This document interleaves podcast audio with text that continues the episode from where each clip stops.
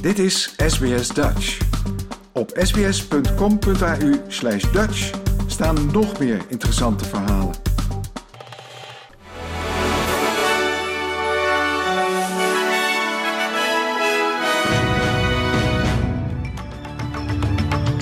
Dit is de SBS Nieuwsflits van woensdag 7 februari. Mijn naam is Paulien Roesink.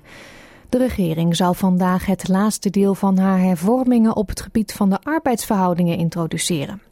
Deel 2 van de wet, waarmee enkele mazen gedicht zullen worden, omvat onder meer een nieuwe definitie van casual work, het vergroten van de bescherming voor gigworkers en bepalingen om het werkverband te stoppen. Het Israëlische leger zegt een intern onderzoek te zijn gestart naar mogelijke wetsovertredingen tijdens hun reactie op de invallen van Hamas op 7 oktober. Aanleiding zijn de berichten dat tijdens die invallen burgers zijn gedood door eigen vuur. De premier van New South Wales, Chris Minns, heeft gereageerd op de beweringen dat het nieuwe huisvestingsplan van zijn regering voor wrijving zal zorgen in de binnenstad van Sydney. De regering van New South Wales is van plan de bouw van nieuwe betaalbare woningen in de buurt van treinstations een boost te geven in een poging de huizencrisis in de staat aan te pakken. Alice Jill Edwards, de VN-rapporteur op het gebied van marteling, heeft Groot-Brittannië opgeroepen te stoppen met de uitlevering van Wikileaks-oprichter Julian Assange aan de Verenigde Staten.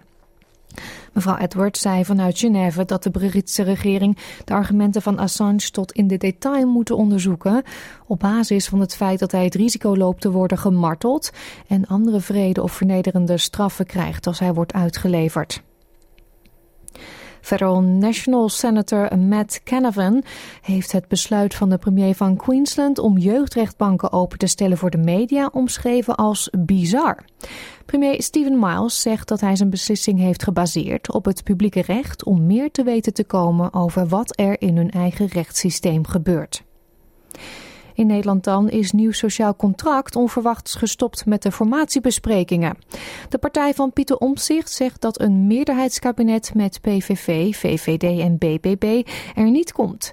Maar houdt de mogelijkheid open voor een minderheidskabinet of een ander kabinet met brede steun in de Kamer. Volgens Omtzigt komt het voor een groot deel door financiële tegenvallers die gisteren pas aan tafel kwamen. Informateur, Plasterk en de andere drie partijen hebben met verbazing gereageerd. Tot over deze nieuwsflits. Volg de SBS Dutch podcast voor meer nieuws en achtergronden. Of bezoek onze website www.sbs.com.au Dutch.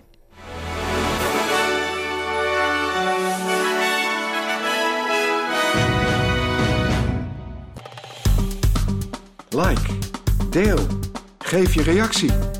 Volg SBS Dutch op Facebook.